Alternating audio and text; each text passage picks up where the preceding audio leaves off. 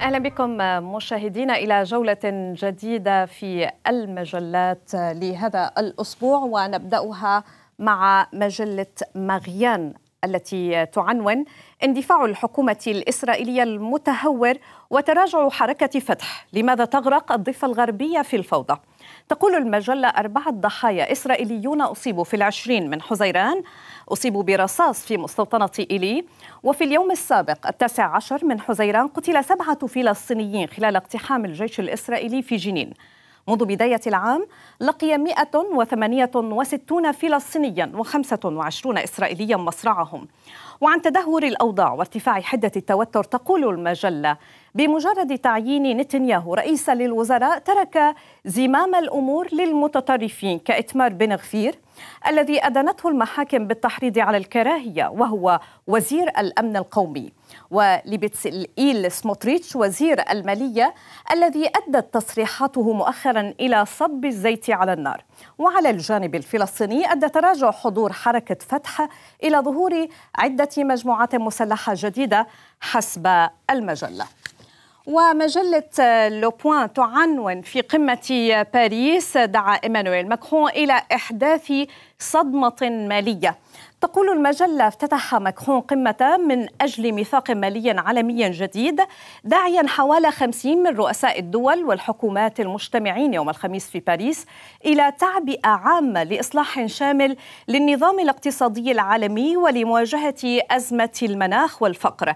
مشيرا إلى أن هناك الكثير من الأموال لكنها لا توظف بالضرورة لخدمة تقدم الكوكب.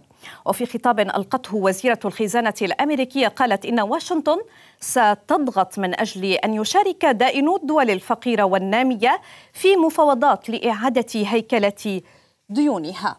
وإلى كورييه انترناسيونال نقرأ فيها مقالا عن ميدل إيست آي يتحدث عن زيارة الرئيس تبون لفرنسا قائلا إن زيارة الرئيس الجزائري إلى فرنسا والتي تم تأجيلها سابقا يمكن أن تؤجل أيضا في شهر يونيو إلى الخريف في رسم جديد للعلاقات المعقدة بين باريس والجزائر حسب كاتب المقال.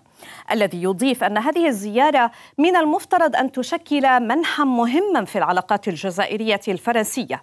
لكن الجدل الذي سبقها بشأن دعوات إعادة التفاوض حول اتفاقية عام 1968 بشأن قضايا الهجرة قد يؤدي إلى خفض البريق حول هذه الزيارة حسب كاتب المقال. وإلى مجلة ذا جارديان الأسبوعية التي تعنون مأساة تلو مأساة. تقول المجلة لماذا لا يمكن وقف غرق المهاجرين في البحر الأبيض المتوسط؟ تسببت مأساة غرق قارب مهاجرين قرب سواحل اليونان في مقتل 78 شخصا وهي من بين أسوأ الكوارث التي تعيشها منطقة البحر الأبيض المتوسط. بالنسبة لعمال الإغاثة يعتقد الكثيرون أنه كان من الممكن تجنب المأساة وذلك في تجنب الاعتماد على مهربي البشر الذين يستخدمون طرقا خطره. في أثينا تقول السلطات إن المهاجرين رفضوا المساعدة. تصاعد الغضب حيث أثيرت أسئلة حول إحجام خفر السواحل اليوناني عن التدخل على الرغم من وجود السفينة محملة بالمهاجرين في المياه الدولية حسب المجلة. وإلى مجلة ليكسبريس التي تتحدث عن روسيا ونظامها السياسي وتقول سواء خسرت روسيا الحرب أم لا فإن نظامها السياسي لا يبدو أنه على وشك التغيير. مضيفة أن كل كيلومتر كل قرية تتم استعادتها هي انتصار في الهجوم المضاد الأوكراني يحمل كل الآمال لكييف وحلفائها. آه آه، إن هزيمة تتابع المجلة إن الهزيمة ستوجه ضربة قاسية لنظام فلاديمير بوتين الذي يبدو أنه على وشك التفكك. ومع ذلك سيكون من التسرع التنبؤ بسقوطه الوشيك حتى في حال هزيمته.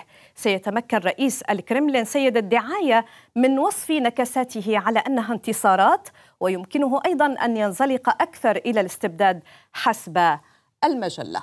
وأخيرا في مجلة المجلة مقال بعنوان النازحون مشاكل مزمنة وحلم بالعودة.